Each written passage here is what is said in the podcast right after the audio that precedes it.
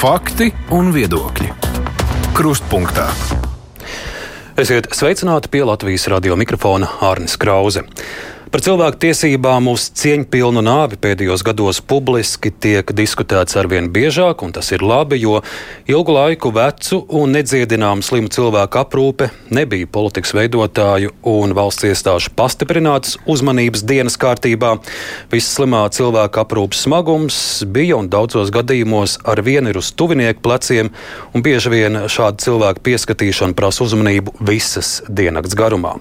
Šobrīd Labklājības ministrija hospisa aprūpe ir noteikusi kā nozars prioritāti.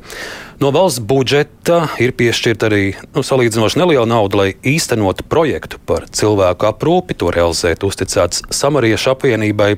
Tomēr no nedziedināmi slimu cilvēku tuviniekiem izskan kritika, ka palīdzība arvien ir nepietiekama. Tā bieži vien esot vien sociāla aprūpe pāris stundu garumā, bet visu pārējo laiku smagie slimnieki ir atstāti savu tuvinieku rokās, un viņi paši bieži vien vairs nav spēka gados. Kad beidzot Latvijā būs nodrošināta cienīga aprūpe tiem, kuriem medicīna vairs īsti palīdzēt nevar, par to diskutēsim šodien. Izmisuma zonā - paliatīvā medicīna Latvijā pēta un risina raidījums Krustpunktā. Un studijā šodien esam aicinājuši Labklājības ministrijas valsts sekretāra vietnieci Elīnu Celmiņu. Labdien! Labdien! Veselības ministrijas veselības aprūpas departamenta direktors Sanita Janka. Sveicināti! Labdien! Un attālināti mums pievienojas arī Latvijas ārstu biedrības prezidenta ģimenes ārste Ilze Aizsilniece. Labdien, Ilze! Labdien! Hospice LV pārstāve Ilze Zosuli. Sveicināti! Labdien! Un arī Samariešu apvienības vadītājs Andris Bērziņš. Sveicināti! Dien. Es sākšu ar ģimenes ārstu Ilzu aizsilnieci, ārstu biedrības prezidenta Ilze. Es noskatījos martā Latvijas universitātē bija liels fórums diskusija, kur organizēja Hospice LV arī sadarbībā ar ārstu biedrību. Un es teikšu, gana skarba un pat emocionāla bija arī jūsu uzstāšanās. Jūs teicāt šādus vārdus. Medicīnā mēs esam kā skrienošas žurkas, kuras skrien pēc maza maizes gabaliņa, un nevienmēr varam visiem pacientiem pievērst vajadzīgo uzmanību. Nevienmēr varam ievērot cilvēktiesības. Ir jūsu vārdi, un es arī atsaukšos uz prezidentu Levitu. Uzreiz, kad viņš stājās amatā, viņš teica, ka visi Latvijā ir vienvērtīgi. Vienvērtīgi. Tātad visi ir vienlīdzīgi, visi Latvijas cilvēki mums rūp. Ilze, Kā ir realitātē? Kā jūs to redzat ar, sevi, ar savām arī ģimenes ārsta acīm? Nu, es godīgi teikšu, es vairāk to redzu, nu, teiksim, to sarežģīto situāciju, es redzu vairāk ar ģimenes ārsta acīm. Un, protams, kā Latvijas, tas ir arī viens no iemesliem, kāpēc es um, kandidēju divreiz kļūt par Latvijas ārstu biedrības prezidentu un pēdējos piecus gadus uh, gan rakstu vēstules, gan piedalos politiskās debatēs, gan arī piedalos streikos un ielu gājienos, jo tā situācija ir kritiska. Jo es domāju, ka prasmes mums ir pietiekoši Latvijā, bet finansējuma palietīvai aprūpei nav. Un, ja, teiksim, viena paliatīvās aprūpas diena klīnikā maksā ļoti lielu naudu, cilvēki to nevar atļauties. Bieži vien ģimenes lai palīdzētu savam tuviniekam. Tā nav tikai onkoloģija, tās ir arī citas veselības problēmas, kuru dēļ ir nepieciešama palietīva aprūpe. Uh, viņi jau ir iztērējuši gan savu emocionālo, cilvēcīgo resursu, gan viņi ir iztērējuši arī savus nu, līdzekļus, finansiālos līdzekļus, lai atbalstītu savu ģimenes locekli. Un um, jāsaka tā, nu, ko mēs darām. Mēs nevis domājam par to globāli un strateģiski, kā Latvijas iedzīvotājiem būt vienvērtīgiem, bet mēs organizējam kampaņas. Kā jūs zināt, tad pagaidām tas, ko es arī izmantoju, es esmu saviem pacientiem, kuri, nu, teiksim, kuriem nav pietiekami daudz līdzekļu. Un, ja cilvēks ir ilgi slimojis, viņš arī ir bijis, viņam ir bijis darba nespēja, protams, viņam darba nespēja varbūt ir sekta, bet tie ir daudz mazāk ienākumi. Es organizēju atbalstu, teiksim, ir arī tā brīnišķīgā iespēja teiksim, medicīniskai aprūpei ir ambulatora aprūpe mājās, un man arī ir, med, manā komandā strādā medicīnas māsa, kas dodas mājās un aprūpē pacientus, kuri nevar aizbraukt un kuriem vajadzīga mājas aprūpe. Bet tas viss maksā. Un ambulatorā aprūpē ir noteikts ārstēšanas kurs, kurā var ierasties šī te ambulatorā māsa, gan parādīt, ko darīt mājās, gan kā, bet nav nekāda atbalsta. Nav psiholoģiskā atbalsta, nav rehabilitācijas tā pa īstam un nav ģimenes atbalsta. Jo ģimenes loceklis būtībā, kurš kop šo slimo cilvēku, viņš jau nav īsti vairs darba spējīgs. Un tās problēmas ir tik samilzušas palietīvai aprūpē, ka es jums godīgi teikšu, es tenī uzstāšanās reizē sāku raudāt kas nu, tādam nopietnam cilvēkam nu, it kā nebūtu pieņemama, bet man tas tiešām, es tagad par to iedomājos, par tiem arī šodien tās problēmas, kas man ir jārisina, lai palīdzētu jaunam cilvēkam ar onkoloģiju mājās. Nu, nu, ir tā, ka gribas raudāt. No jūsu prakses pieredzes, es lūgtu jūs padalīties, cik jums pašai ir šādi uh, pacienti, kuriem ir nepieciešama šī, šī ļoti uzmanīga aprūpe, hospice aprūpe. Un jūs jau savā runā Latvijas Universitātē paškritiski teicāt, ka nevienmēr mediķiem izdodas visiem sniegt vajadzīgo uzmanību un ievērot cilvēktiesības. Uh, nu, teiksim, man pašreiz tādu smagu uh, mājās pacientu ir manā praksē ir astoņi cilvēki, kuriem mēs dažādā veidā, nu, ar visādām iespējām mēģinam norganizēt. Jo, piemēram, šodien uh, ir viena pacienta, kurai palīdzēs viņu, dra viņas draugi un uzņēmēji, lai viņai varētu apmaksāt to aprūpu mājās. Uh, man ir bijuši gadījumi, kad ir klīnika, privātā klīnika cilvēks, jo arī palietīvās aprūpas gultas mums nav pietiekams Latvijā. Uh, tas arī maksā, tad, protams, es vēršos ziedot LV, Arī esmu izmantojusi savu draugu uzņēmēju palīdzību un lūgus atbalstīt dažkārt cilvēkus, kur, piemēram, ir vientuļi. Viņiem nav pat ģimene, nav bērni, nav neviena, ir kaut kāda sociālā palīdzība, bet ir vajadzīga, viņš ir viens. Un es esmu viens pret viens, nu, kā ārsts, un man ir jāpalīdz. Bet saprotiet, ir viens tas, ka tev ir pazīstami cilvēki, ka tu, tu nu, ir arī nu, tādas organizatoriskās spējas, bet ja tu esi jauns dakteris, kurš sāc darbu, un kurš grib palīdzēt pacientam un saskarās ar visām šīm grūtībām.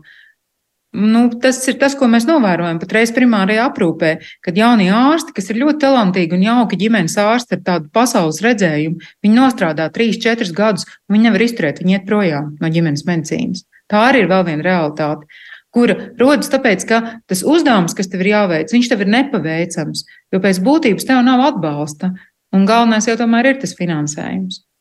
Ilzam, vēl pavisam īsi jūs minējāt par, par draugiem, par atbalstītājiem, par iespēju, ka kādam ir uzņēmēji, kas palīdz. Bet ko darīt tiem, kuriem nav draugu, atbalstītāju? Tur droši vien ir daudz punktu jāliek.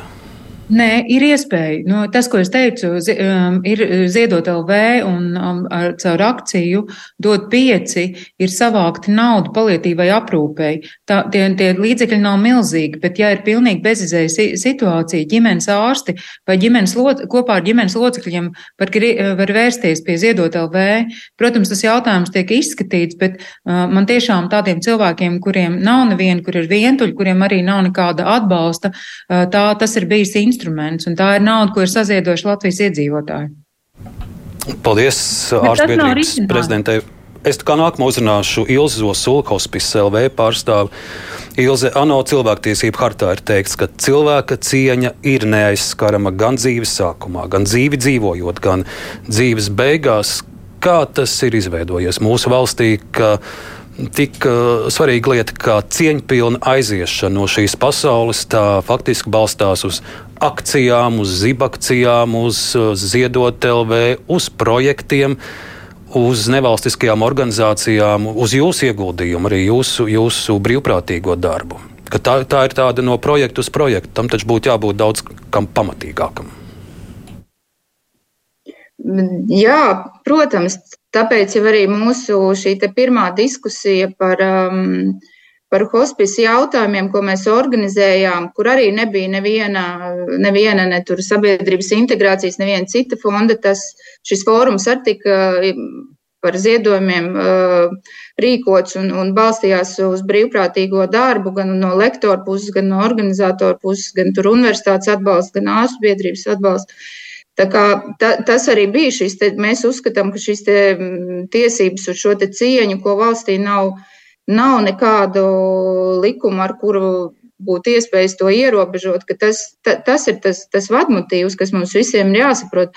Mēs jau ikdienā ļoti īstenībā asi to, kā jebkurš cilvēks uztveram, ja mūsu kāds necienīgi izturās vai ne sabiedriskā vietā vai mūsu darba vietā. Mēs to tā, tas cieņas pārkāpums, to katrs cilvēks ļoti jūt.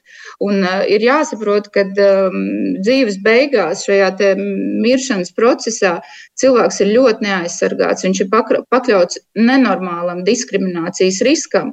Pirmkārt, savā tuvākajā lokā, ģimenē, jo faktiski, ja cilvēks ir, uh, piemēram, tur, uh, pats par sevi lemtspējīgs, viņš vienalga, ja viņš ir gulošs, mums cik daudz ir bijuši tādi gadījumi, kad eh, cilvēks saka, es gribu nomirt mājās, bet tuvinieki baidās uzņemties atbildību, kas arī ir saprotams, un saka, nē, nē, uz, uz slimnīcu, uz pansionātu, mēģina kaut kur kaut kā eh, nolikt to cilvēku. Tātad cilvēka paša vēlme, lai arī viņš ir pie, teiksim, pie pilna saprāta un tā tālāk, netiek ņemt vērā.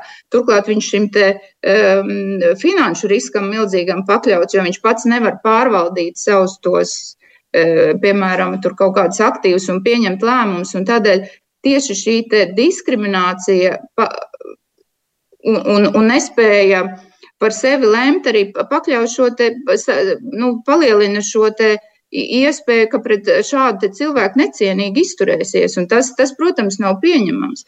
Uz papīra mums visi, gan starptautiskie dokumenti, Latvija ir visiem pievienojusies, un, un to arī uzsvēra mūsu šajā fórumā. Uh, Levita kundze un, un pieminēja visus šos normatīvos aktus, gan, gan profesoru Osipova, ja, bet nu, uz papīra viss ir labi, bet dzīvē ir ļoti slikti. Un, un tas jau, ko Eh, doktora aizsilniece teica, mēs to savā mm, ikdienas darbā, mēs to katru dienu redzam. Mums eh, zvana izmisuši tuvinieki, un eh, viens ir, ko doktora aizsilniece pieminēja, kad ir, piemēram, tur ir pāris, kur ir abi divi gados, viens ir šis te hospisa aprūpē viens no pāra ir pakļauts otrs, piemēram, ir arī otrs cilvēks tajā ģimenē ir nezinu, tur kādas grupas invalīds ar, ar, ar ierobežotām iespējām. Mums tagad eh, pēdējo trīs mēnešu laikā ir bijuši eh, divi gadījumi, kur ir eh, bērni, ja, kam, kam ir 18 gadi, kam ir 14 gadi, kas uzņemas faktiski tās galvenās rūpes, skrien no skolas mājās un, un mammu vai tēvu aprūpē. Nu, tas taču nav normāli. Ilzi par, ilzi par reālo dzīvi un piemēriem mēs tūlīt arī runāsim plašāk, bet vēl šīs sarunas ievadā skatītājiem, klausītājiem atgādināsim, ko nozīmē cilvēka tiesības uz cieņpilnu nāvi. Mēs zinām, ka Latvijas medicīnā ir daudzas problēmas gadiem risinātas un neatrisinātas onkoloģija, valsts apmaksātu pakalpojumu pieejamība, rindas pie bērnu speciālistiem, medicīnas personāla atalgojums un šo uzskaitījumu varētu turpināt. Bet kāpēc arī vecu un ļoti slimu cilvēku aprūpei ir jābūt valsts prioritātei un ko nozīmē šīs tiesības uz cieņpilnu nāvi? Šīs tiesības uz cieņpilnu nāvi, eh, tas ir tas ir juridiski visur jau atrunāts termins, tas ir tiesības uz pakalpojumu pieejamību, uz atbalstu šajā brīdī. Ja? Jo um, uz uh, pakalpojumu, kas varētu, jo cilvēks šajā nespēcības un šajā diskriminācijas riska augstākajā punktā, viņam ir jābūt pieejamiem pakalpojumiem. Uh, mūsu viedoklis ir, ka šiem pakalpojumiem ir jābūt valsts apmaksātiem, jo vidēji uh, hospisa aprūpē cilvēks atrodas uh, trīs nedēļas, trīs līdz četras nedēļas. Tātad tas nav ilglaicīga aprūpe uh, gadiem. Ja? Uh, tātad mēs uzskatām, ka katram Latvijas cilvēkam, kas ir šādā situācijā nokļūs, ir, ir jā, jāsaņem jāsaņem adekvāti pakalpojumi, kas ietver gan uh, atbalstu šajā mm, tīri uh, sociālajā ziņā, fiziskā ziņā, higiēna, ēdināšana, aprūpe, gan ārsniecības pakalpojums, gan garīgais atbalsts ir jāsaņem gan pašam pacientam, gan viņa ģimenei. Tas arī šis te pakalpojumu klāsts arī nodrošina šīs te tiesības uz cieņpilno nāvi, kam blakus eh, noteikti aizsilnieces kundze varēs mani papildināt, ir jābūt šīm likumā ietvertām iespējām cilvēkam atteikties no, no kādām, piemēram, medicīniskām manipulācijām, kas pie mums Latvijā vēl nav ko mēs arī noteikti atbalstam, kad, kad piemēram, atteikties no nevajadzīgas tur ārstēšanas vai atdzīvināšanas vai, vai kādiem pasākumiem. Tas šobrīd viss ir nesakārtots, neskatoties, ko mirstošais cilvēks grib, radi pirmā sieva grib to, otrā sieva to, viens bērns grib to, trešais, kas atraucies no, no ārzemēm, tas vispār neko nezina un prasa vēl kaut kādas, lai e, procedūras veids. Tas viss ir nesakārtots un, un šajās te krustugunīs nonāk mirstošais cilvēks. Mēs iestājāmies par to, lai, lai arī šajā jomā juridiski cilvēki, katrs no mums, varētu to jau iepriekš šos jautājumus izlemt, Eh, veikt attiecīgus ierakstus elektroniskajās sistēmās un tādējādā veidā sevi arī pasargāt no, eh, no, no un nodrošināt to, ko katrs cilvēks uzskata par cieņpilnu, viņam, viņam atbilstoši viņa dzīves uzskatam. Par lietām, kas vēl ir nesakārtotas un kas tiek kārtotas, mēs tūlīt arī runāsim. Es došu vārdu arī Samariešu apvienības vadītājam Andrim Bērziņam. Samarieši šogad ir sākuši vienu pilotu projektu, bet pirms tam uzklausīsim arī politikas veidotājs valsts pusi. Mums studijā ir pārstāvi no Labklājības un veselības ministrijas. Es atminu pirmsvēlēšanu laikā debatēs uh, premjerministrs Kariņš, kad viņam vaicāja par hospice jautājumiem un cieņpilnā viņš atbildēja, ka tā būs uh, viņa prioritāte, viņa valdības prioritāte. Politikas dokumentos ir hospice vārds arī tagad parādījies, arī labklājības ministrijas dokumentos tāpat ir norādīta kā nozares prioritāte, bet uh, kāda ir reālā dzīve. Un ko mēs ieraugām uh, šī gada valsts budžetā attiecībā uz jautājumiem par smagu, slimu vecu cilvēku aprūpi, kāda ir bijusi valsts atbild uz šo problēmu? Es sākušu labklājības ministriju. Jā, pavasaris ir bijis ļoti darbīgs, un acīm redzot, šis ir tas brīdis, kad priekšvēlēšana solījumi varēs tikt izpildīti. Rītdienas saimnes darba kārtībā ir sociālo pakalpojumu un sociālās palīdzības likuma grozījumi, lai noteiktu tiesisku ietvaru tieši tai sociālajai komponentei hospice pakalpojumā. Šobrīd mēs strādājam ciešā sadarbībā Veselības ministrijas vadībā, lai veidotu kopēju abu daļu ietverošu pakalpojumu no šī gada rudens, lai tas būtu integrētā veidā caur vienu koordinātoru nodrošinātas abas pakalpojuma daļas ir ļoti novērtējams tas, ka iepriekšējos gados ir bijuši vairāk šādi pilotu projekti īstenoti gan no veselības ministrijas puses, gan no mūsu ministrijas puses. Atziņas no šiem uh, projektiem un arī viņu paraugs un praktiskais piemērs ir bijis par pamatu, lai attīstītu šo kopējo ideju. Un šobrīd mūsu galvenais mājas darbs ir uh, radīt šo ietvaru, lai pakalpojumu īstenotu, kā tiesiski regulētu, uh, iepirktu visā valsts teritorijā, jo radīt regulējumu visā valsts pārklājumā ir pavisam atšķirīgi nekā terminētā veidā, ierobežotā laikā un cilvēku daudzumā vienu projektu ietvaros. Celmīns kundze, es jums pārveicāšu vēlreiz. Uh -huh labi tas viss skan, ko jūs teicāt, bet tādā nu, cilvēku vienkāršo valodā atkārtojiet vēlreiz Jā. to, ko jūs teicāt. Ko, ko klausītājam, kas, ko ir svarīgi saprast no tā, ka, ka jautājums rīt ir nonācis līdz, Tas līdz nozīmē, saimai, nu, kas reālajā dzīvē mainīsies, uzlabosies? Jā, līdz šim likumā šāda pakalpojuma nebija, līdz ar to mēs arī nevarējām tādu iepirkt. Šobrīd regulējums ir tapis gan veselības ministrijas pusē, gan mūsu ministrijas pusē. Tam arī veselības ministrijas pusē jau ir piešķirts finansējums, mūsu pusē tas vēl tiks piešķirts. Un, ja mums ir regulējums un finansējums, tas nozīmē, ka mēs varam nodrošināt un organizēt pakalpojumu, eh, lai to izdarītu no 1. oktobra. Jautājums arī veselības ministrijai. Es sapratu, bija aprēķini gan labklājības, gan jūsu ministrijā, ka, ka, lai šāds pakalpojums būtu, vismaz 9 miljoni jārod ir papildus, cik daudz jau šobrīd ir rasts finansējums, un vai tiešām ir cerība daudziem ļaudīm, ka no 1. oktobra viņu rūpes, rūpes par tuviniekiem kaut nedaudz varētu būt atvieglotas? Es, es domāju, ka jā. jo uz doto brīdi kopā ar Labklājības ministriju mēs strādājam pie šī integrēta pakalpojuma iepirkšanas, jo, kā, kā visi zina, tad paliatīva aprūpe nav tikai veselības aprūpes pakalpojums, bet tā ietver sevī gan sociālos pakalpojumus, gan arī labklājības ministrijas pakalpojumus, gan psihosociālo rehabilitāciju, palīgu līdzekļus un tā tālāk. Un tā joprojām tas uzskaitījums ir ļoti liels. Veselības ministrijai ir piešķirts šis budžeta finansējums. Šim gadam tas ir 1,6 miljoni, un nākošais un aiznākamā gada tie ir 6,7 miljoni, bet tā ir šī veselības aprūpes sadaļa.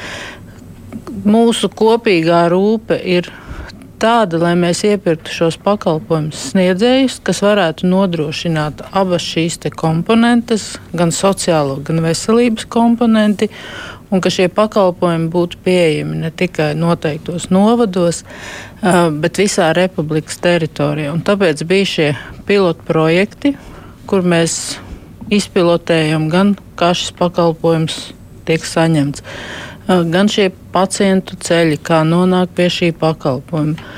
Un, nu, paliksim pie šiem pilotprojektiem. Tā tad vienu realizēja, saprota, gan Hospice LV, otru šobrīd realizē Samariešu apvienība. Kādi, kādi ir secinājumi, ko jūs redzat, kas ir uzlabojums, kas tiek pareizi darīts? Um, veselības ministrijas pusē šos pilotu pro, uh, veica uh, Sijārūre. Tas bija Dienvidu kurzemē. Uh, tas bija reģionā tādēļ, ka dēļ Eiropas Savienības struktūra fonda iepirkuma niansēm mēs šo pakalpojumu varējām realizēt ārpus Rīgas. Un, um, tad uh, tas galvenais bija izstrādāt šim te pilotu projektu veicējiem, kas tad ir tā koncepcija, kas ir tas pakalpojuma saturs, kā šie pacienti nonāk līdz šī pakalpojuma, kas viņam šai pakalpojuma laikā ir jāsaņem un kas tiem pacientiem ir nepieciešams. Jo it kā jau šie pakalpojumi bija vienkārši, ja mēs runājam par smagi slimu pacientu, tad viņam ir ļoti grūti saprast, ko nu viņam jautāt Labklājības ministrijai, ko veselības ministrijai. Tāpēc šai komandā būs koordinators, kurš būs tas cilvēks, kas iepazīsies ar šo dokumentāciju, sapratīs, ko šim cilvēkam konkrētam vajag, jo palietīva aprūpe nav divu vienādu cilvēku. Un otra prasība būs noteikti, ka šis pakalpojums ir jānodrošina 24, 7. Ne tikai pa dienu, ne tikai darbdienās, bet arī sestdienas, svētdienas. Un šis ir ļoti svarīgi, ko jūs, ko jūs minat, jo ļaudis tuvinieki saka, ka jā, viņi dažkārt saņem šos pakalpojumus, bet ar tām pāris stundām vai pat piecām, sešām stundām ir krietni par maz. Atnāk cilvēks aprūpētājs, jā, viņš nomaina pamperi, vēl kādas lietas, bet, bet tas neko daudz no tās uh, smagās nastas neatvieglo.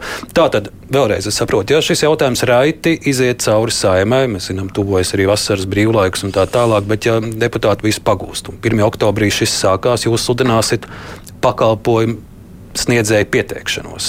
Tā var saprast. Mm. Tie var būt samarieši, tie var būt hospice, kas, kas vēl var tie būt, kas, kas varēs pieteikties. Tie var būt principā arī jebkura ārstniecības iestāde, tā var būt. Bet tas prasība ir tā, ka viņam jānodrošina gan veselības aprūpes, gan sociālais pakalpojums. Kas būs tas ir svarīgi, vai, vai, vai vēl svarīgi būs zemākā cena, vai tomēr tas nebūs noteicošais, bet tieši aprūpes kvalitāte? Veselības aprūpes pakalpojumus mēs neiepērkam pēc zemākās cenas. Mēs par pakalpojumu maksājam tik, cik tas maksā. Kāpēc es to vaicāju? Jo tad, kad samarieši uzvarēja šajā pilotprojektā, Labklājības ministrijas preses paziņojumā bija norādīts, ka, ka uzvarēts, jo ir piedāvāta zemākā cena. Tāpēc es to cenas stāstu minu. Jā, te ir droši vien būtiska atšķirība. Veselības ministrijas pusē ir šie jau ministru kabineta noteikumu līmenī noteiktie tarifi. Mūsu pusē parasti mums tāda noteikuma nav. Mēs sociālos pakalpojumus eh, veicam vai nu caur deleģēto funkciju, vai uh, iepērkot uh, konkursu kārtībā. Un šis ir tas sarežģītākais moments, kas mums tuvākā nedēļa, mēneša laikā ir kopīgi ar veselības ministriju jāatrisina, lai mēs vienotajā integrētajā iepirkumā, kuru sludinās veselības ministrijas puse, ieliktu iekšā šo sociālā pakalpojuma daļu. Nu, lūk, mūsu sarunā piedalās divu organizāciju pārstāvi, kuriem jau ir pieredze šādu pakalpojumu sniegšanā Hospice LV un Samariešu apvienība ar uh, samariešiem, tā vadītāja Andra Bērziņa. Es sākšu kopš gada sākuma. Jums ir šis pilotprojekts uzticēts. Nu, tā nauda nav salīdzinoši liela, un, un tas cilvēku lokus, kas jums jāprūpē, es saprotu, ir uh, ap 250. Tā ir Rīga, Pierīga un Latgale. Tā tad arī ne visa Latvija. Uh, es tālāk vēl detaļās iešu par jūsu pakalpojumu un kāds ir ļaužu atsauksmes, bet, uh, bet jūsu pēc šiem pāris mēnešiem kāda ir pieredze un, un, un kādu jūs redzat uh, to rezultātu šobrīd? Mm, tad es droši vien sveiciens visiem sākšu ar to, ka nu, pirmkārt, jau nav īsti korekti atbildēt, ka tā, tā cena bija zemākā, jo cena nebija zemākā, bet tas noteikti nav šīs diskusijas jautājums. Uh, kāpēc mēs vispār pieteicāmies? Uh, mēs pieteicāmies tāpēc, ka Samariešu apvienība tieši ar šo sociālās aprūpas vai tās personiskās aprūpas komponenti mēs jau strādājam pietiekoši sen, un mēs strādājam visā Latvijā, un, un, un, un ja skatās uz, uz šo aprūpas mājās sadaļu, tad, tad nu, pie tās klientu nomaiņas, mēs viņus saucam par klientiem mūsu, mūsu pusē, jā, tad tie ir apmēram 20% gadā, un mums ir vairāk simti cilvēkam ikdienā šī, šī sociāla aprūpa un šī aprūpa psiholoģiskā palīdzība ir nepieciešama, tā bija mūsu ikdiena arī līdz šim pilotprojektam, kas ir ļoti principiāli saprast droši vien, ka uh, katram pilota projektam ir savs mērķis, un arī šim pilota projektam, eh, ko mēs eh, lasot labklājības ministrijas šo uzdevumu un šo mērķi, arī tā arī sapratām un tā arī cenšamies realizēt. Un šis mērķis ir, ir, ir, ir pilotēt scenāriju, kad mēs nodrošinām šo sociālās un psihosociālā atbalsta komponenti mūsu rokās, savukārt šo veselības aprūpas komponenti piesaistām no esošās eksistējošās veselības aprūpas sistēmas. Tas nozīmē, ja cilvēkam ir nepieciešams kaut kāda veida darbības, kas ir saistīts ar šo veselības aprūpi, tad mums pēc uh, pilotprojektu uzstādījuma būtu jāvēršās eksistējošā veselības aprūpas sistēmā un, un jātiek klāt pie šiem pakalpojumiem, vai tā ir, ir, ir, ir, ir, ir eh, bēdu aprūpe, vai tā ir uh, medicīniskā māsa, medicīniskā aprūpe mājās, vai kāda no šiem medicīniskiem vai ķirurgu pakalpojumiem. Realitāte droši vien, ka viens no tiem atzinumiem, ko mēs jau tagad varam pateikt, lai arī tas dažus mēnešus tikai iet, kad, kad nu, neiet tā, kā, kā, kā, kā būtu un šos veselības aprūpas pakalpojumus piesaistīt no eksistējošās veselības aprūpas sistēmas eh, tādā apjomā, kā cilvēkam un pacientam vajag nu, nav iespējams. Un, un, un, un, un droši vien ir jābūt šim, šim integrētajam modelim, kad, kad ir jau eks, nu, iekšēji strādājoši veselības aprūpas cilvēki, veselības aprūpas nodrošinājums, kas, kas varētu arī šo otru komponentu nosegt.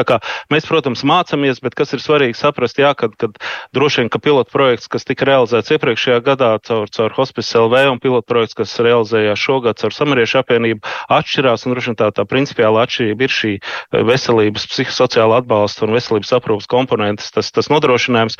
Un šī, šī gada pilotēšanas mērķis ir saprast, vai tas strādātu sistēmā, kad ir sociālo pakalpojumu sniedzējs un veselības aprūpas sistēma, kura mums būtu gatava nodrošināt to veselības aprūpas pakalpojumu apjomu, kāds ir nepieciešams konkrētajam pacientam neiet viegli, eh, jo, jo nu, ar, ar sociālo aprūpi mums iet, iet, iet pietiekoši labi, es gribu teikt, jo arī, arī tie gadījumi mums ir šobrīd 20 eh, pacienti mūsu aprūpē, kas šobrīd ir hospice, un, un, un uzreiz precizēšu, tur nav tiešām tikai, es, es ilzē piekrītu, tie nav tikai veci un, un slimi cilvēki, tie ir arī pietiekoši jauni cilvēki, tie ir, tie, tie, tā ir mamma, kurai ir, kur ir nepilngadīgi bērni, kur jārisina arī šie jautājumi.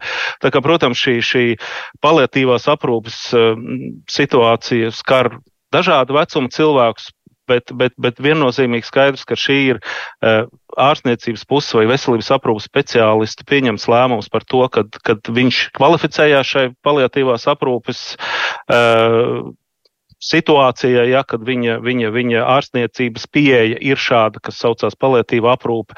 Un droši vien, kad mūsu gadījumā vēl ir nākošais solis - hospice aprūpe, proti tas ir tas pēdējais posms palietīvās aprūpes ciklā, jo, ja palietīvā aprūpe var vilkt arī garāku periodu, tad hospice aprūpe pēc starptautiskās pieredzes un droši vien pēc tā definējuma, kas Latvijā šobrīd top, ja, un, un, un taps, būs noteikti ierobežotāks laiks, jo, jo vai tās ir šīs, šīs trīs, trīs nedēļas vidējais, ko Ilgs pieminēja, Vācijā tās ir 28 dienas. Tas, protams, ir, ir diskusija jautājums, kas, kas šobrīd Latvijā ir, bet ārkārtīgi svarīgi ir vismaz mūsu pieredze arī esošajā brīdī parāda to, ka uh, arī mediķi mācās no šīs pieredzes, arī šie lēmumi par, par, par paliatīvo aprūpi nevienmēr ir, ir, ir precīzi, jo mums ir piemēram divi gadījumi, kad, kad cilvēks vienkārši atkopjās, vai tas ir aprūpas jautājums, vai tas ir vienkārši organisms ķeparojās un, un turās pretī, ja, bet, bet, bet kad šī dzīvības ir būtiski lielāka un, un parādās jau iespēja veikt cita veida ārstnieciskas darbības, lai iespējams arī veikt operācijas, un, un, un tā vairs nebūtu paliatīva aprūpe, bet tā jau kļūtu par, par, par cita veida aprūpi. Un, protams, ko tad darīt tālāk? Jā, Andri, vēl pavisam īsi, lai ļaudīm ir skaidrs, ko šis pakalpojums nozīmē. Skatos, jūsu mājaslapā var atrast, kas tad tiek piedāvāts šī projekta ietvaros. Tātad tāds mm. ir gan tehniskais nodrošinājums, tā ir drošības poga. Uh, atbalsts no kapelāna psihologa, atbalsts sērās tuviniekiem, bet, bet uh, tas nav pilns spektrs. Un, un, un šeit, uh, šeit uh mhm. -huh. iztrūk šī, šī medicīnas puse. Lai gan Labklājības ministrijas uh, dokumentos, ja skatās, šī projekta nosaukums ir hospice aprūpe mājās pilngadīgām personām un atbalsts viņu ģimenes locekļiem. Tātad no šī nosaukuma tas, tas priekšstats ir, ka tas ir, tas ir pilns spektrs, bet mēs nu pat no samariešiem dzirdam, viņi, viņi tādu nevar nodrošināt. Viņi var tikai daļu no šī pakalpojuma. Pilota projekta uh, es... mērķis Andris ļoti labi izstāstīja, bija nodrošināt hospice pakalpojumu tajā šā brīža ietvarā, uh, paredzot sociālās komponentes īstenošanu specifiskā veidā un piesaistot veselības aprūpas finansējumu un no esošās veselības aprūpas sistēmas. Tā tā īsta hospice palīdzība šī vārda izpratnē, kas ir Tā tomēr Liepājā nav. pilotēja hospice aprūpi vēl savādākā veidā. Pieminētā Sierūra pilotēja mobīlo brigādi, kas nodrošina veselības aprūpu mājās hospice pacientiem. Savukārt sociālās aprūpas daļu piesaistīja sadarbībā ar pašvaldības sociālo dienestu. Šobrīd mēs veidojam nacionālo regulējumu ieviešanai no rudens tādu, kas ietvers abas daļas. Nu, tāda veida iepirkums un pakalpojums līdz šim Latvijā mums nav bijis. Tas ir liels izaicinājums, bet mēs visi esam apņēmības pilni to līdz rudenim izdarīt. Ilza Zosula no Hospice LV vēl uh, jūs arī ņēmāt dalību šādā valsts atbalstītā projektā. Un pagājušā gada beigās uh, sabiedrība arī mēdīja cēlīja trauksmi, ka, ka šī nauda finansējums projektam varētu beigties. Uh, Tad finansējums atradās, tika izsludināts jauns konkurss, bet jūs, hospice, tajā vairs eh, nepiedalījāties. Kāpēc? Nē, mēs piedalījāmies konkursā. Mums, mēs bijām iesnieguši savu, savu dalību. Uh, un mēs pirms, pirms paša jau tikko konkurss tika izsludināts, mēs vērsām uh, visu, gan, gan parlamentu, gan, gan ministriju uzmanību uz to, ka iespējams, ka konkursu vajag dalīt lotēs, ja? jo šim te konkursam bija e, šī Rīga un Pierīga un Latgale. Un, ja mēs apstāmies Latgalē, tie, manuprāt, ir seši novadi, un tas ir nu, milzīgs. Mēs tā kā bijām šo 15 mēnešus jau snieguši šo pakalpojumu, ja pirmajā pilotprojektā, mēs ļoti labi saprotam, ko nozīmē attāluma pārvarēšana. Mē, mēs jau teiksim, un, un to, cik pilotprojektā bija atļauts teiksim, tērēt naudu transporta izdevumiem. Ja? Jo Rīga pierīga arī ir ļoti tālu. Mums bija klienti, kas ir vienlaicīgi ir Salaspilī, un otri ir, es nezinu, tur Garciemā vai, vai, vai, be, vai Berģos vai vēl kaut kur jāt, vai jūrmalā. Un, un, nu, jūs taču saprotiet, kā, kā tas, un ja vēl Latgalē, to, to mēs nevarējām. Mēs bijām aicinājuši, ka dalīt lotēs, lai var vairāk uh, uzņēmumu nu, vai, vai nevalstiskās organizācijas pakalpojumu sniedzēji pieteikties un izmēģināt savus spēkus šajā pakalpojumā. Un otrs uh, bija, kad mēs zinājām, cik tas reāli maksā, un mēs no savu atpildu projektu sapratām, ka bez ārstniecības personas kā vadošā speciālista šajā starpdisciplinārajā komandā šāds pakalpojums cilvēkiem nu, tas, tas neapmierina. Tā nav hospisa aprūpe mūsu viedoklis. Bija, ko mēs arī paudām, bet iepirkums gāja savu gaitu un, un mēs ne, neizturējām šo te um, šīs prasības. Jā. Labi, Ils, nu, bet, tā jau tagad ir pagātne, bet raudzīsimies uz nākotni. Tas, ko mēs nu pat jā. dzirdējām no, no ministriju pārstāvjiem, tās ziņas ir gana cerīgas. Ja, ja viss būs raiti parlamentā un tiešām 1. oktobrī šī sistēma sāk strādāt un budžetā arī varbūt ne, ne tik, cik būtu vajadzēts, bet gana, gana liels finansējums ir atrasts. Vai šīs ir cerīgas ziņas? Tas ir liels solis uz priekšu, ņemot vērā, ka jūs nu, pēdējos divus, trīs gadus ļoti lielu vērību tam veltījāt, lai arī valsts vairāk iesaistās. Vai tas beidzot ir noticis, sāk notikt? Nu, mēs jau esam arī tā teikt, cerību pilni, droši vien tāpat kā visi, kā visi pacienti. Tikai man jāsaka, ka man ir lielas jau šaubas radušās par šo prioritāti, jo šie divi grozījumi likumos, kuros gan sociālā, gan ārstniecības likumā, lai iestrādātu šo paliatīvās aprūpas un hospis aprūpas definīciju, jau piecas reizes ir atlikti saimā. Ja?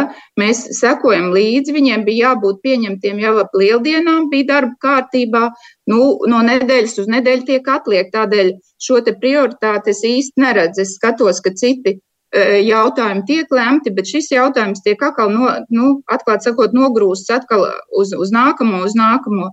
Nezinu, vai tad rītā tad, nu, beidzot tas notiks un tiks kaut kas, kaut kas pieņemts, nu, ceru.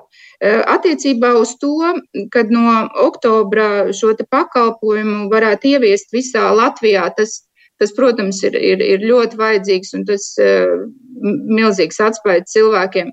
Bet es šobrīd, um, tā kā ir domāts, ka šis pakalpojums būs tikai šīs mobilās brigādes veidā, ja, e, to jau jāsaprot, to droši vien e, gan, gan, gan ārsti, gan, gan Andris ir redzējis savā darbā, ka ir arī cilvēki, kuriem tā aprūpe ir vajadzīga tieši šajā miršanas procesā, miršanas agonijas procesā, tik intensīva, ka viņiem ir vajadzīgs speciāls stacionārs kā hospis ja, kā, kā ēka. Un tāda nav ne pat nevienos plānos. Šobrīd šie plāni ir, kad no oktobra varētu būt mobilā brigāde. Tātad, kāds būs šis kombinētais iepirkums no diviem dažādiem budžetiem, kā tas būs, ļoti daudz neskaidrības. Un oktobris tuvojās ļoti straujiem soļiem, un, kā jūs teicāt, vēl pa vidu ir, ir parlamenta brīvdienas un, un vēl daudz kas. Kā Nu, mēs aktīvi piedalāmies, mēs visur rakstam savu, savus viedokļus par visiem likumdošanas šiem procesiem, bet, bet tas, tas, protams, ka nepalīdz tiem cilvēkiem, kam šobrīd ir, ir, ir vajadzīgs tas atbalsts, jo, jo ne, nekādu miršanu neviens nevar neatlikt ne pa vienu dienu. Ja tā lietas atbalsts ir vajadzīgs, viņš ir vajadzīgs rītā, parīt, ja ne ilgāk. Ģimenes ārsta Ilza aizsilniece Ilza, es redzēju, jūs arī vēlējāties iesaistīties Nē, es vispār gribēju par paliatīvo aprūpi. E, mēs kaut kā, nu, viena lieta, ko es gribēju teikt, ka paliatīva aprūpe, piemēram, onkoloģijā tiek uzskatīts, ka paliatīva aprūpe nav tikai, e, teiksim, ir paliatīva aprūpe un ir hospis. Ja? Paliatīvo aprūpi onkoloģijā iesāk, iesaka uzsākt pacientiem, tad, kad ir uzzināta viņa diagnoze. Jo mēs varam pacientu atbalstīt gan, psih, e, gan ar psihologu, gan ar teiksim, rehabilitāciju. Ir arī paliatīvai aprūpē pie, piemīt, nu, ir iespējama rehabilitācija, dažādi, gan fiziska, gan mentāla. Tā kā Un tas, par ko vēl mums vajag domāt, ka tā paliatīva aprūpe ir daudz lielāka, un daļa no tās ir hospice. Un, um, ko es gribu teikt, ka būtībā mums ir šie pilotprojekti brīnišķīgs. Es vienkārši gribu izstāstīt stāstu, ko es dzirdēju no viena pacienta martā no mirstoša pacienta, kurš uzzināja, ka trūrēm projekts ir līdz 31. martam. Viņš savai ģimenei teica, nu es paspēšu nomirt, jums nebūs tik grūti. Un es domāju, ja mēs dzīvojam valstī, kur cilvēks saka, es paspēšu nomirt, jums nebūs tik grūti saviem ģimenes locekļiem, jo viņš zina, ka beigsies tas pakalpojums, tad es domāju, ka tas pavisam traki. Un Ilgs šis droši vien arī stāsta, ka mums jau nav tāda nezinu, mirstošo pacientu aizsardzības biedrība, nav īsti, kas tieši šos, šos mirstošos cilvēkus aizstāv. Viņi arī paši viņi nevar iesaistīties rakstot uh, tiesai sūdzību vai kaut kādām iestādēm, jo viņiem viņiem jau vairs nav šis laiks, lai izmantotu šos valsts juridiskos instrumentus, un varbūt bieži vien viņi ir iesniegumu uzrakstīt, bet viņi jau atbildi vairs nesagaidīs.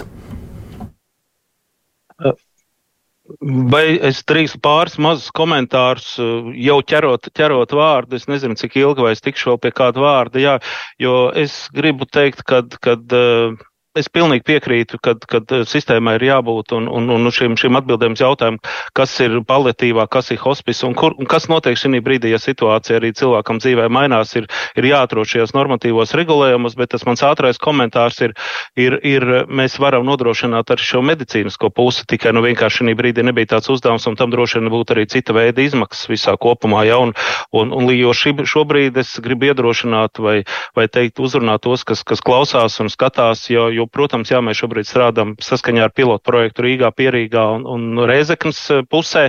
Nu, tur gan ir plašāks šis novads, jā, tad, tad, tad noteikti, ja šī situācija tāda ir, tad, tad zvaniet, jo līdz šim brīdim, līdz šodienai mēs vēl nevienam neesam atteikuši, un visi cilvēki, kas mūs ir, ir meklējuši un atraduši, mēs, mēs me, me, meklējam veidu, kā, kā, kā, kā palīdzēt un kā šo aprūpu nodrošināt. Un aprūpe nevar būt darba dienās, darba laikā tikai, tikai, jo to mēs arī sapratām pašā sākumā, ka mēs izveidojam arī speciālu aprūpes šo nodrošinājumu. Mums ir dežūrējošas aprūpes brigādes aprūpētāji, kas speciāli to dara.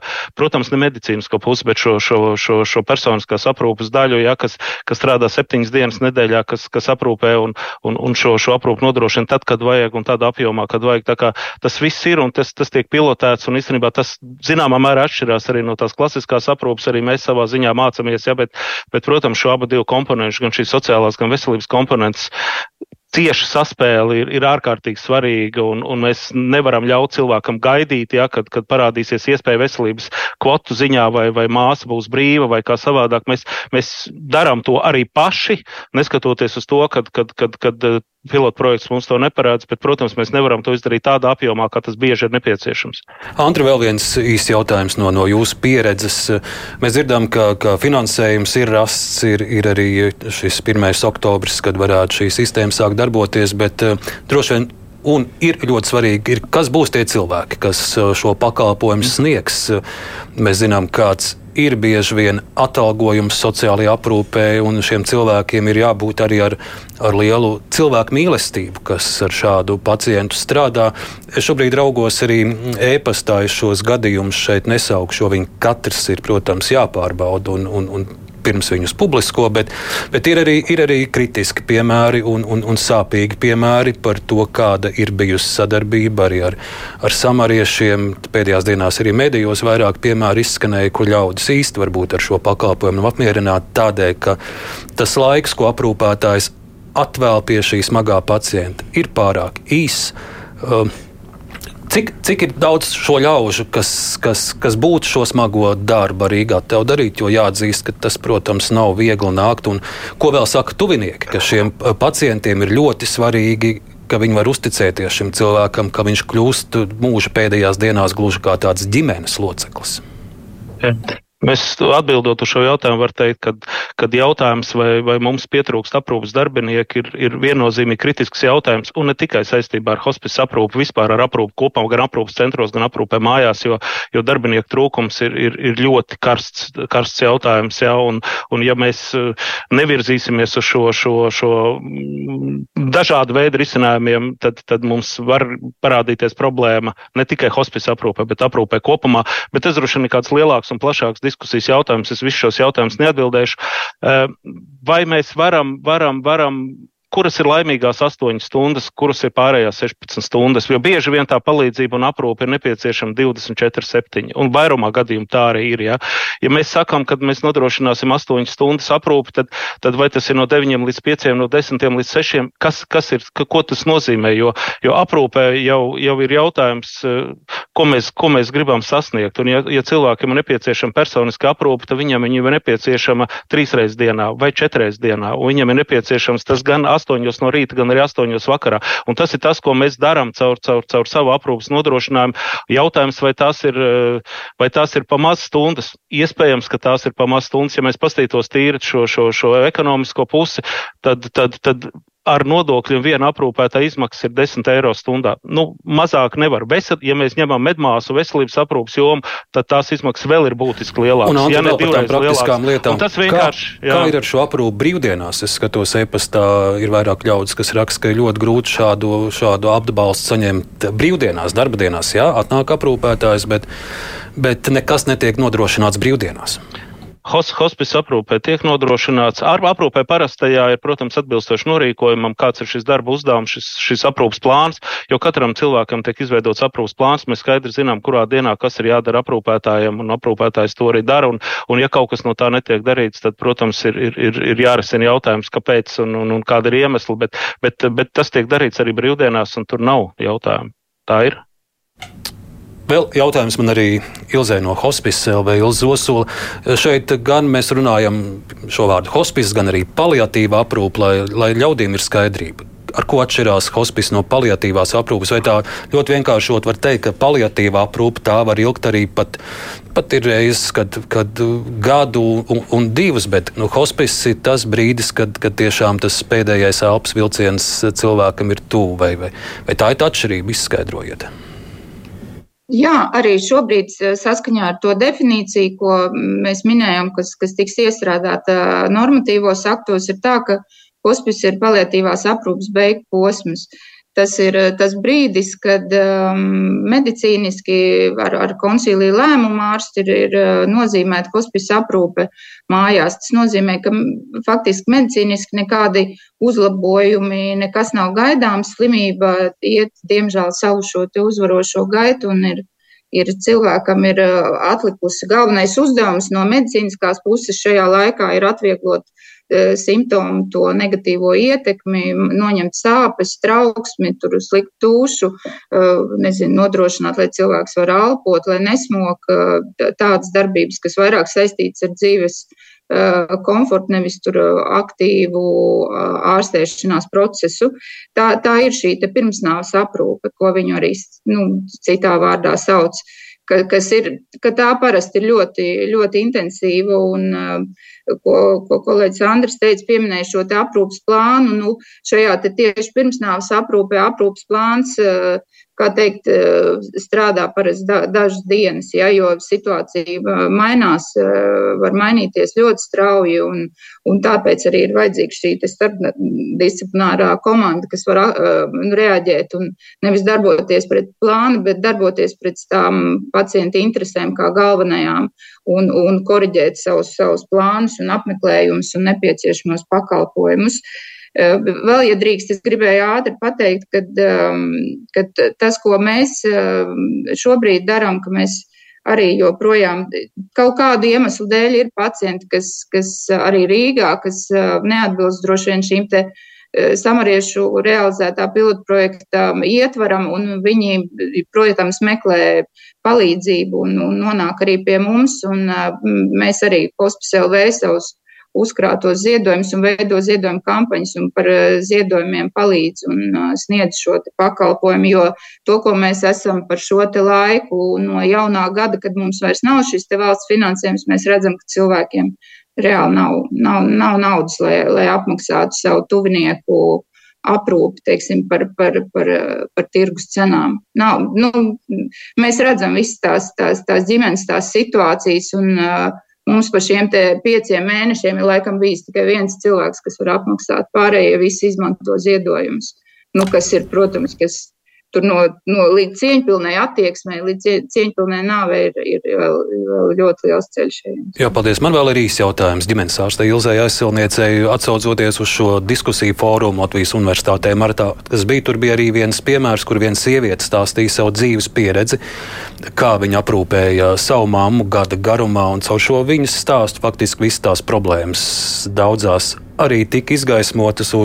Šī sieviete arī stāstīja, ka ļoti daudz šajā hospice posmā tiek gaidīts no ģimenes ārsta, bet ģimenes ārsti ir pārslogoti ārkārtas gadījumos. Bieži vien nav sazvanāmi. Ģimenes ārsta vizīte mājās ir vairāk veiksme, nevis normāla situācija par ģimenes ārstu iesaisti.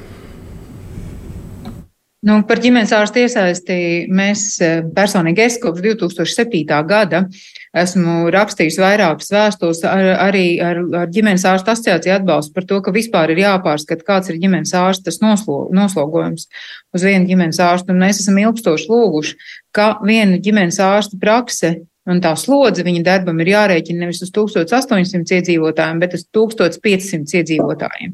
Tiem 300 cilvēkiem ir ļoti liela nu, nozīme. Un ja mēs rēķināsim šādā veidā, tad nu, ir tam ģimenes ārstam vairāk laika un arī iespēja aizbraukt uz to mājas vizīti. Mums vakar arī ministrijā bija diskusija par to, ka tās mājas vizītes ir vajadzīgas. Kolēģi ir pārguruši, ja viņiem vēl saka, ka viņiem ir jāveic mājas vizīte, viņi nu, negrib piekrist. Jo, redzat, ar ko ļoti daudz ir aizņemti ģimenes ārsti. Ģimenes ārsti ir ļoti daudz aizņemti ar nevajadzīgu birokrātiju, kas ir saistīta ar dažādu zīmju iz, izrakstīšanu, ka cilvēks nāk pie tevis nevis tāpēc, ka viņam ir tiešām reāla vajadzība ar tevi konsultēties. Mēs neizmantojam telemedicīnu, kur viņu var izmantot ar vien vairāk mūsdienās, kas atvieglot dzīvi gan pacientiem, gan ārstiem. Ir jautājums par recepšu izrakstīšanu, kam vēl var viņas deleģēt ģimenes ārstu komandā un atbalstīt. Protams, ir dažādas receptes, bet tomēr, kā mēs rūpējamies par hroniskajiem pacientiem, tad galvenais ir tas, ka, lai varētu no, no ģimenes ārstu vairāk piedalīties šādā darbā, ir jābūt citai noslodzēji, citam pacientu daudzumam un ir jābūt vairāk šīm te komandai, lielākai ģimenes ārstu komandai jābūt. Ilze, jābūt... jā, Ilze, tik tālu paldies. Mums vēl pāris minūtes, un es vēlos arī studijā šeit ministriju pārstāvus uzrunāt. Cik cilvēki ir informēti par savām tiesībām, un kad viņi nonāk šādās kritiskās situācijās, kur mums uzzināt, kādu atbalstu mēs varam saņemt. Protams, visi zina ziedot LV, bet, bet kur ir jāiet, kur ir jāskatās. Nu, samariešiem ir lapa, tur ir ļoti skaidri, smalki viss aprakstīts, bet kā cilvēkiem zināt savas tiesības, ja tuvinieks nonāk šādā situācijā, vai pašam šim cilvēkam, kur, kur atrast, ko nu, viņš var saņemt? Droši vien, kad informācija no gaisa nenokrīt katrā vajadzīgajā situācijā, tad, kad man rodas gadījums un kaut ko ir jāuzzina, tad es viņu meklēju vai nu internetā, vai radi draugi, vai sociālais dienests, vai kāda vietējā nevalstiskā organizācija. Nu, kaut kur tas pavadiens ir jāsāk eh, virpināt. Un ir arī virkni cilvēku, kas saņem pašvaldības nodrošināt aprūpas mājās pakalpojumu jau gadiem. Tas ir esošais regulējums ar to atšķirību, ka tur tiek eh, katrā pašvaldībā izvirzīti savi nosacījumi. Tā kā, ja ģimenes ietvaros nav cita padoma un ir grūtības tikt galā ar pašaprūpas un aprūpas nodrošināšanu cilvēkam vecumdienās, tad aprūpas mājās pakalpojums ir vien, viens no galvenajiem pakalpojumiem. Droši vien viņš prasīs arī padomu tam pašam ģimenes ārstam, un nu, šobrīd viņam no tā visa kopā ir jāizvēlas tas, kas viņam ir piemērots un derīgs. No 1. oktobra ceram, ka tas būs viens integrēts pakalpojums. Un kādēļ vēl šī hospice uh, sistēma ir svarīga, lai sakārtot? Jūs esat lasījis, ka arī par budžetu un, un naudas taupīšanu runājot, ka uh, hospice aprūpe izmaksā divreiz lētāk nekā, piemēram, šo slimnieku turēšanu slimnīcā vai viņiem nemitīgi ātrās palīdzības saukšana. Ja, ja šo sistēmu sakārtot, arī, arī tā nauda būtu daudz liederīgāka valsts tērēta.